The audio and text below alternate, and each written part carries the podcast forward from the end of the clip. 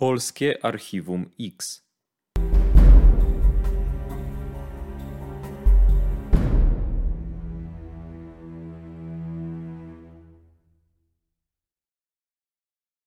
Jest niedziela 2 października 1994 roku, około godziny 6.45. 27-letnia pielęgniarka Alina Bagniewska kończy nocny dyżur na oddziale dziecięcym w szpitalu w Ostrzeszowie i pieszo udaje się na rynek, gdzie jej rodzice kilka lat wcześniej zakupili małą kamienicę. Alina mieszka tutaj z siostrą, jej mężem i dziećmi. Ostrzeszów to 14-tysięczne miasto powiatowe znajdujące się na południowym krańcu województwa wielkopolskiego. W pobliżu znajdują się wsie, z których mieszkańcy często podejmują pracę w Ostrzeszowie. Jedną z takich miejscowości jest wieś Zajączki, położona w odległości około 4,5 km na północny wschód od stolicy powiatu. Malownicza, wręcz sielska osada, zewsząd otoczona lasem, w której wszyscy mieszkańcy się znają. Przed laty Alina Bagniewska mieszkała tam z rodziną.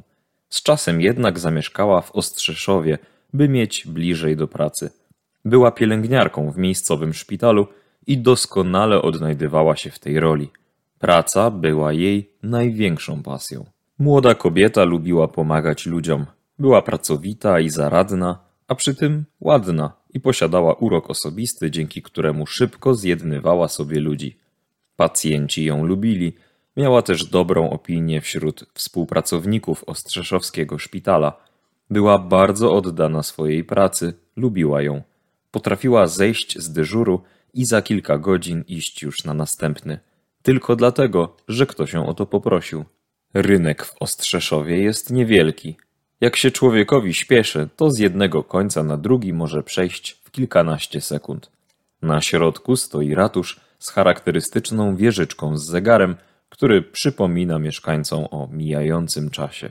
Budynek należący do Bagniewskich jest nieduży, ale jego ogromnym atutem jest położenie, samo centrum miasta. Alina miała stąd do pracy jakieś 500 metrów. Chodziła pieszo. Po drodze mijała kamieniczki i domy jednorodzinne. Cicha, spokojna okolica. W 1994 roku ruch samochodów był w porównaniu do dzisiejszych czasów bardzo niewielki, dlatego poczucie bezpieczeństwa było zdecydowanie większe niż obecnie. Czas płynął wolno, a poziom przestępczości był niewysoki. Jakieś drobne kradzieże, włamania do samochodów i małych sklepików. Tamtej niedzieli Alina wróciła do mieszkania około godziny siódmej rano i przywitała się z siostrą. Opowiedziała jej, jak minął jej dyżur i wyszła schodami na piętro kamienicy do swojego pokoju. Zamierzała przespać się kilka godzin, a potem miała spotkać się z rodzicami, siostrą, szwagrem i ich dziećmi w zajączkach. Położyła się w swoim pokoju i zasnęła. Nie spała jednak długo. Trzy godziny później po córkę przyjechał ojciec, który planował zabrać ją na niedzielny obiad. Kobieta powiedziała, że jest zmęczona i chce jeszcze chwilę pospać. Umówiła się z ojcem, że ten przyjedzie po nią o godzinie 13.30. Siostra Aliny ze swoją rodziną do Zajączek samochodem wyjechała około godziny 11. Kiedy ojciec Aliny przyjechał do córki o umówionej porze, jej już w domu nie zastał. Na stole w kuchni leżała kartka, na której 27-latka napisała: Tatusiu, obudziłam się wcześniej niż myślałam, przed godziną 12. Nie mogę się doczekać spotkania z wami. Idę do zajączek na piechotę. Alina. Ta informacja nie zaniepokoiła ojca, ponieważ w przeszłości bardzo często zdarzało się, że Alina chodziła do rodziców pieszo. Skoro córka wyszła o dwunastej, to pewnie miała nadzieję dotrzeć do domu rodziców jeszcze zanim ojciec wyjedzie jej naprzeciw. Problem jednak w tym, że kiedy pan Bagniewski wyjeżdżał z zajączek, Aliny jeszcze tam nie było. Dopiero po powrocie do rodzinnej miejscowości, kiedy okazało się, że pomimo upływu dwóch i pół godziny Alina nadal nie dotarła, ojciec poważnie się zaniepokoił. Piesze przejście tego dystansu nie powinno zająć jej więcej niż godzinę. Kiedy jechał od strony Ostrzeszowa, nigdzie nie spotkał swojej córki. Całą drogę jechał wolno, rozglądał się w poszukiwaniu Aliny. Ojciec był przekonany, że skoro wyszła z mieszkania, to na pewno kierowała się w stronę domu rodziców. Jeśli nie dotarła, to coś musiało ją zatrzymać. Na pewno nie zmieniła zdania i nie pozostawiłaby rodziców bez informacji o tym, że jednak do nich nie przyjedzie. To nie było do niej podobne. Do tej pory zawsze dotrzymywała danego słowa, wiedząc, że rodzina z pewnością niepokoiłaby się, gdyby nie poinformowała ich o zmianie decyzji w kwestii wizyty. 2 października 1994 roku Alina nie pojawiła się już ani w domu rodziców, ani w ostrzeszowskim mieszkaniu. Nikt ze znajomych nie wiedział, dokąd mogła pójść. Rodzina starała się nie wpadać jeszcze w panikę na tym etapie, ale kiedy następnego dnia ich córka nie pojawiła się na dyżurze w pracy, udali się na miejscową komendę policji, by zgłosić zaginięcie kobiety. Alina Bagniewska została oficjalnie uznana za zaginioną w poniedziałek 3 października 1994 roku. Policjanci, jak to niestety często bywa przy zgłoszeniach o zaginięciu osoby, początkowo uznali, że może to być próba odpoczynku od ciężkiej pracy, oderwanie się od obowiązków i rodziny. Taka zwykła ucieczka od codzienności. Jest przecież dorosła i nie ma żadnych dowodów i śladów, aby przyjąć wersję, że Alina padła ofiarą przestępstwa. Policja zazwyczaj w takich sytuacjach nie dostrzega, że nie ma również żadnych dowodów, które wykluczałyby jednoznacznie wersję zaginięcia Aliny w warunkach przestępstwa. Bogdan, współtwórca krakowskiego zespołu Archiwum X, uważa, że taki sposób myślenia policji wynika poniekąd z niezbyt logicznie sformułowanej zasady domniemania niewinności oraz skupianiu się w przepisach prawa głównie na sprawcach przestępstw. Jeżeli przestępcom przyznamy za dużo praw, to tych praw siłą rzeczy zabraknie dla ich ofiar, dodaje Bogdan.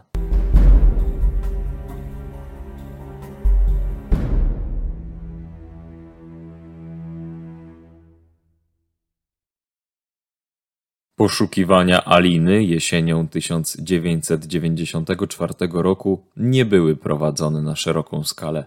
Przyjęto zgłoszenie, dokonano rutynowych sprawdzeń i czekano na wieści od kobiety. Ona jednak nie odezwała się do rodziny i nie zgłosiła się na policję.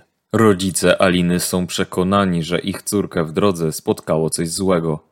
Starają się wytłumaczyć miejscowym stróżom prawa, że zaginiona była osobą bardzo odpowiedzialną i sumienną i że nigdy wcześniej w przeszłości nie zdarzało jej się nie wrócić na noc do domu. Mijają kolejne tygodnie bez jakiejkolwiek informacji na temat losów zaginionej pielęgniarki. Co prawda, policjantom udało się dotrzeć do świadków, którzy widzieli kobietę podobną do Aliny, idącą ulicą Grabowską. I być może była to właśnie zaginiona. Zgadzał się kierunek i wygląd. Jednak do domu nie dotarła, zatem coś musiało się wydarzyć między ulicą Grabowską w Ostrzeszowie, a jej domem w Zajączkach, czyli mniej więcej na przestrzeni niespełna pięciu kilometrów. Przeanalizowano kilka opcji trasy, którą mogła przejść Alina. Idąc w kierunku Grabowa nad Prosną, mogła skręcić w lewo w dwóch różnych miejscach.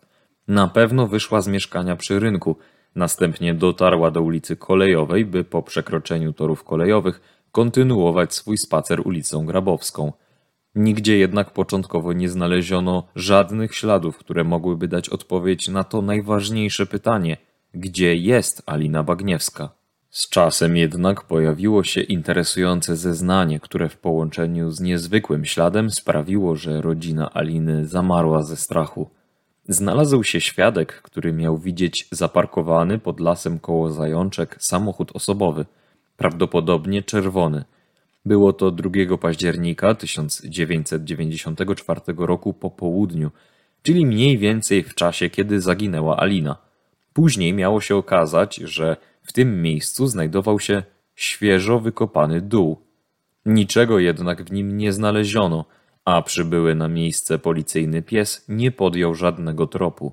Przypuszczano, że ktoś zamordował Alinę lub potrącił ją przy samym wjeździe do rodzinnej miejscowości, a żeby ukryć ciało, zaczął w tym miejscu kopać.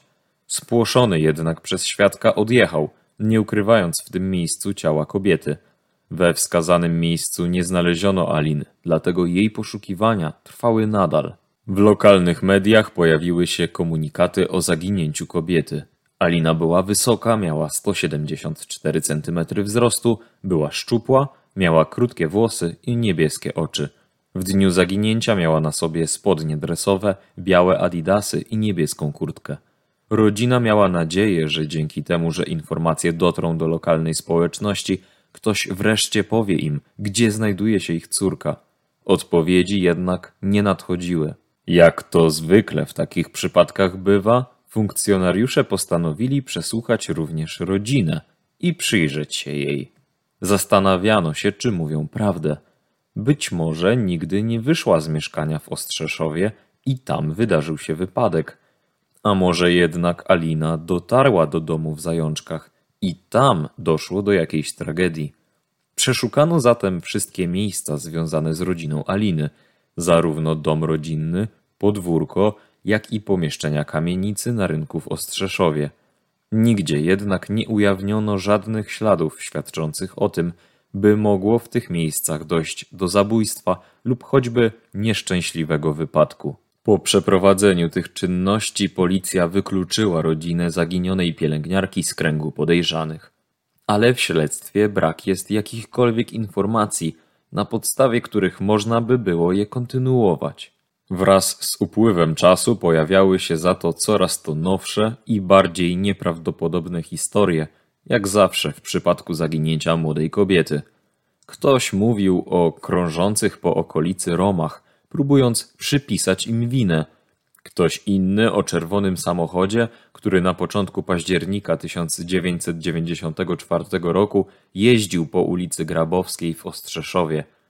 Pod uwagę brano też wersję, że Alina została uprowadzona przez handlarzy ludźmi. Być może chodziło o zemstę chorego psychicznie pacjenta, na którego miała się natknąć w szpitalu. W końcu rozpatrywano także wątek miłosny i natarczywego adoratora, którego kobieta miała odtrącić. Tymczasem w piątek 29 marca 1996 roku a więc 18 miesięcy od tajemniczego zaginięcia Aliny w gospodarstwie stawów rybnych w pobliżu osady królewskie na terenie gminy Ostrzeszów, jeden z pracowników oczyszczających pas przeciwpożarowy z chwastów, gałęzi i śmieci dokonuje makabrycznego odkrycia. Znajduje ludzkie ciało. Biegli policyjni, którzy przybędą na miejsce, nie będą w stanie jednoznacznie ustalić tożsamości ofiary – Wiadomo jedynie, że to kobieta. Miejsce ujawnienia niezidentyfikowanych zwłok ludzkich jest położone 4 km na południowy wschód od Ostrzeszowa, a 8 km na południe od Zajączek. Kobieta została przyniesiona w zarośla z tym, co miała przy sobie, między innymi z parasolką. Ciało zostało ułożone na boku. Odkryte w pobliżu stawów szczątki przewieziono na badania – Stwierdzono bezsprzecznie, że jest to zaginiona Alina Bagniewska. Po dokładnie 544 dniach poszukiwań rodzina ostrzeszowskiej pielęgniarki dowiedziała się, że ich córka i siostra nie żyje. Umarła ostatnia nadzieja, że kiedykolwiek bliscy porozmawiają z Aliną. Biegły z zakresu medycyny sądowej stwierdził, że bezpośrednią przyczyną śmierci był uraz głowy, mający postać złamania kości czaszki, pochodzący od uderzenia narzędziem tempokrawędziastym. Ale nie ustalono samego mechanizmu powstawania obrażeń. Nie wiadomo było również, czy Alina została zgwałcona.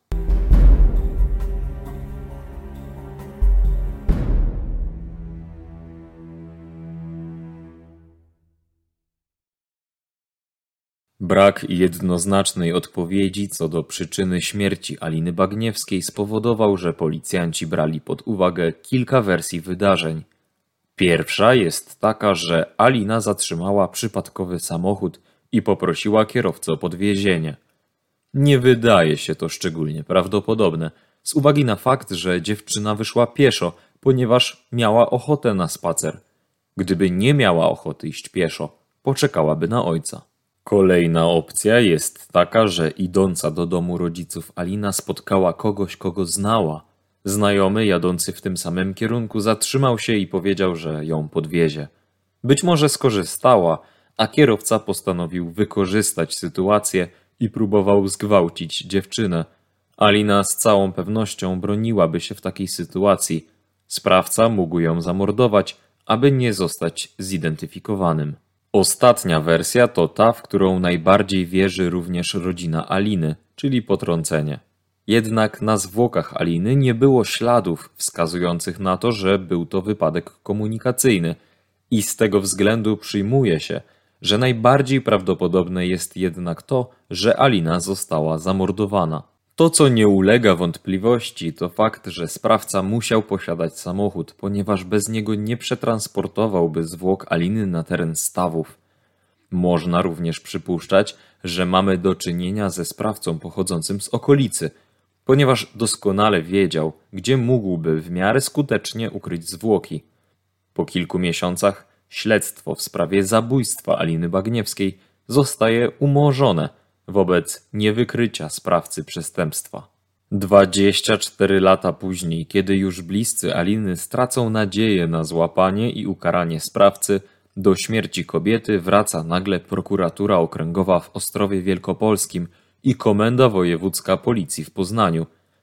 Akta sprawy trafią w ręce oficerów z poznańskiego Archiwum X, a do mediów zostaje skierowany komunikat – mający zachęcić do kontaktu potencjalnych świadków, wszystkich, którzy mogą posiadać jakąkolwiek wiedzę na temat śmierci Aliny. Podkreślono, że wszelkie informacje, nawet te z pozoru mało istotne, mogą być pomocne. Gdy po raz kolejny prześwietlano zebrane przed laty materiały, lokalny tygodnik Czas Ostrzeszowa opublikował kolejny artykuł o zabójstwie pielęgniarki. Tekst ukazał się także w internecie. Dwa lata później, w odstępie dwóch minut, pojawiły się dwa komentarze pod tym tekstem, z których może wynikać, że jest osoba, która ma wiedzę i może zmienić bieg w tej sprawie. Liczymy, że ta osoba się z nami skontaktuje albo inne osoby. Chcemy wyjaśnić, co dokładnie się stało i zatrzymać sprawcę. Poinformował opinię publiczną Maciej Meller, rzecznik prasowy Prokuratury Okręgowej w Ostrowie Wielkopolskim. Obu wpisów dokonała osoba używająca niku UUTYR. W pierwszym informował Sprawca nie żyje, zmarł na nowotwór we Wrocławiu, a pochodził z Sycowa. Pracował w wodociągach, miał konflikt z panem... Był to niejaki... W kolejnym napisał – Oboje się nie znosili, a X był złośliwym typem. Jeździł do ostrzeszowskich wodociągów, bo wtedy tam podlegał. Szczegóły zna pan? Pisownia oryginalna. W wodociągach pracował ojciec zamordowanej kobiety. Prokuratura ma przypuszczenia, o kim mowa we wpisach. Również tata Aliny w programie telewizyjnym 997 wypowiedział się, że wie o kogo chodzi – Autora wpisów nie udało się namierzyć, ponieważ dane identyfikujące twórców takich komentarzy przechowywane są przez okres jednego roku, a informacja o wpisach do prokuratury dotarła po tym terminie.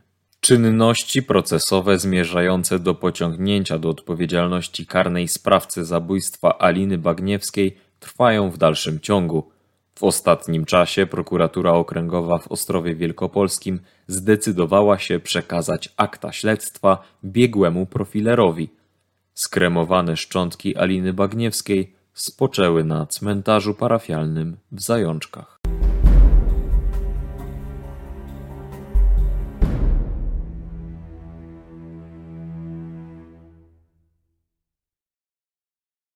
Mariusz, dzisiaj chcemy omówić sprawę z Ostrzeszowa, to jest początek lat 90.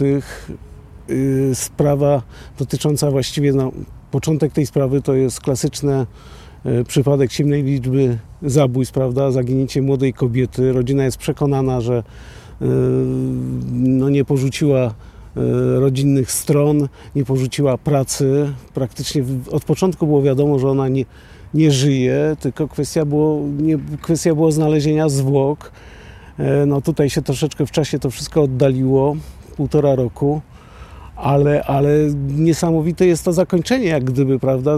Czyli, bo sprawa była bardzo nagłaśniana i, i, i to chwała tu y, Archiwum X Wielkopolski, że, że właśnie na różnych portalach poruszali, wracali do zaginięcia pani Aliny, pielęgniarki z Ostrzeszowa, aż w końcu w 2018 roku ktoś się odezwał. Tak, tutaj w tej sprawie ewidentnie mamy do czynienia, tak jak mówisz, z ciemną liczbą zabójstw. Była to osoba, która no, nie znikła tak sobie, była znana z tego, że była e, Sumienna, sumienną kobietą, pracownicą, e, bardzo lubiana przez e, pacjentów, znajomych. E, Osoba wiodąca taki unormowany tryb życia, prawda, której raczej e, nie mogło się zdarzyć, że e, wychodzi z domu i znika, zwłaszcza w takich okolicznościach. Y, No ale wiesz, wracamy prawda, do tych dwóch wpisów na jednym portalu, y, chyba to był miejscowo Oszczeszowski portal informacyjny. Dla mnie jest to taki charakterystyczny y, ślad na duszy ludzkiej, ale bardzo rzadko pojawiający się w sprawie, to mianowicie, ja go nazwałem nadmiarem. No, gdyby komuś tak naprawdę zależało na przekazaniu jakiejś informacji, to wystarczyłby jeden wpis, krótki, wskazujący, natomiast no, tam były te zdania rozbudowane, prawda, wskazujące jak gdyby no, dziwne tło, że, że jest że tak naprawdę, że przez ojca zginęła, prawda, bo on był skonfliktowany w miejscu w pracy w wodociągach z jakimś człowiekiem. E, I, i, dla mnie to jest, wiesz, no, wskazujące, że jednak tu mamy do czynienia, prawdopodobnie to sprawca e, no, chciał sprowadzić śledztwo na fałszywe tory i stąd, stąd te komentarze. Tak, tutaj możemy mówić o takiej sytuacji, jak wielokrotnie tu rozmawialiśmy w wielu sprawach, że sprawca, czy ten, który jest już osiągalny przez policję, czy podejrzewany, y, zaczyna przedstawiać pewne historie, zaczyna informować policję o różnych y, innych y, wydarzeniach, rzeczach, osobach, które mogły być sprawcą.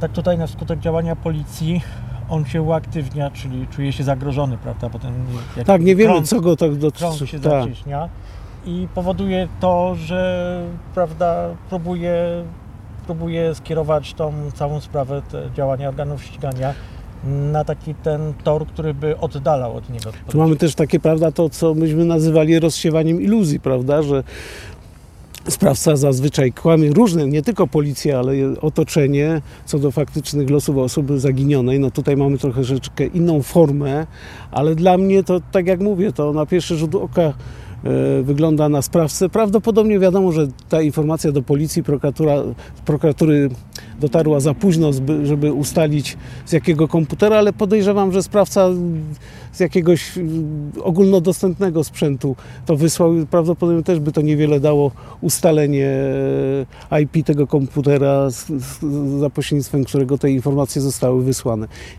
Tu mamy taką ewolucję, którą zauważamy w tym działaniu, bo wielu sprawach dotychczasowych była taka sytuacja, że ten postęp techniki yy, nie był taki jak, jak, jak w tym momencie i ci sprawcy próbowali w sposób yy, inny, czyli pisali listy, próbowali dzwonić, zostawiać jakieś informacje.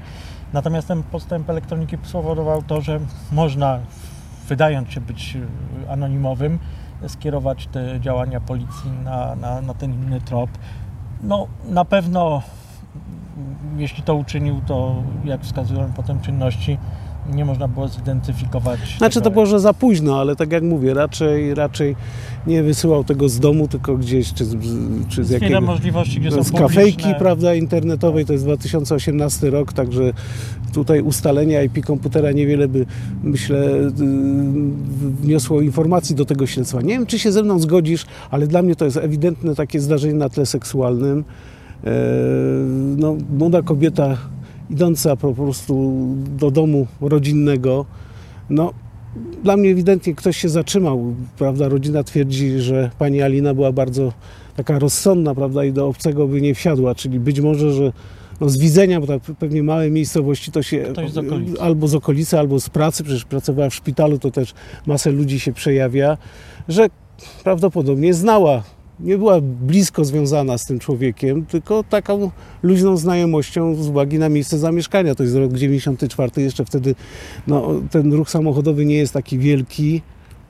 To by potwierdzało to, o czym mówiliśmy tutaj wcześniej, prawda, że ktoś ujawnia się na skutek działania policji z tamtego rejonu, prawda, czyli, Tak. czyli słyszał, policja coś robi, jest zainteresowana, a on w tym momencie no, powoduje tu u niego jakąś panikę i próbuje oddalić od siebie te, te, te ewentualne Czy działania. też nie wiemy, czy policja go na przykład nie rozpytała przy okazji, prawda, jakichś Tak, być może w trakcie czynności, no, także tutaj nie znamy y, akt śledztwa. Dla mnie to jest ewidentne tło seksualne i ja bym się na pewno pokusił tutaj o przebadanie tych wszystkich przedmiotów, które zostały ujawnione przy szczątkach pani Aliny, czyli tam była torebka, parasol, no, na tak zwaną całościówkę DNA, bo sprawca prawdopodobnie musiał wynieść to z samochodu, przenieść i, i, i porzucić właśnie w miejscu ukrycia szczątków pani Aliny. To zresztą wie, prawda, ten sposób takiego przykryty gałęźmi, to jest klasyczne chowanie właśnie e, zwłok, yy, zwłok ofiary po zdarzeniu na tle seksualnym. Nie wiem, czy się ze mną zgodzisz. Tak, ja myślę, że tutaj sprawca w ogóle się zdziwi, bo to, o czym wielokrotnie rozmawiamy i te sprawy są realizowane na podstawie tego postępu DNA i w tej chwili te, te możliwości e, wyizolowania DNA są potężne. I tak jak mówisz, z tych rzeczy, z tych przedmiotów, które były zabezpieczone, mamy to DNA, które powoduje, że y, jest kwestia tylko typowania osoby i można ten krąg coraz bardziej zawężyć. No, na pewno sp- sprawca miał samochód, prawda? Bo, bo tutaj chyba zgodzi się ze mną. Raczej to wszystko było gdzieś, wsiadła na pani Alina na okazję i, i, doszło, do czego doszło. Zresztą też charakterystyczne dla, dla zabójstw na tle seksualnym, prawda? Mod, znaczy sposób modus operandi, uderzenie w głowę, prawda? Są też uduszenia, ale jest to bardzo częste. Nie tak dawno żeśmy też omawiali sprawę z Lublina, gdzie też było właśnie ten ci- cios w głowę e, ofiary i często tak to wygląda. Ja mam nadzieję, że emisja tego programu też przyczyni się do uzyskania jakichś nowych, istotnych informacji. Ten sprawca, skoro tutaj rozmawiamy i mamy y, przypuszczenia z analizy tego, jest gdzieś z tego rejonu. Być może była taka sytuacja, że jego zachowanie, o czym mówiliśmy w różnych innych odcinkach, powodowało to, że wzbudziło kogoś zainteresowanie, a być może po tych apelach policji, po tych czynnościach wznowionych, jego zachowanie jest tym bardziej nasilone, dziwne, co zwróciło uwagę. Prawda, nie możemy wykluczyć, że był przynajmniej przez jakiś okres czasu w tych, zatrudniony w tych wodociągach, stąd, stąd właśnie ukierunkowywał właśnie na fałszywe Na tło, ma prawda, ma, al- albo ma wiedzę przez, nie wiem, znajomego, kolegę, prawda, to, to też jest pewna wskazówka, która może do, do niego doprowadzić, prawda, do ustalenia tożsamości tego, jak Czyli dla mnie, fałszywego informatora.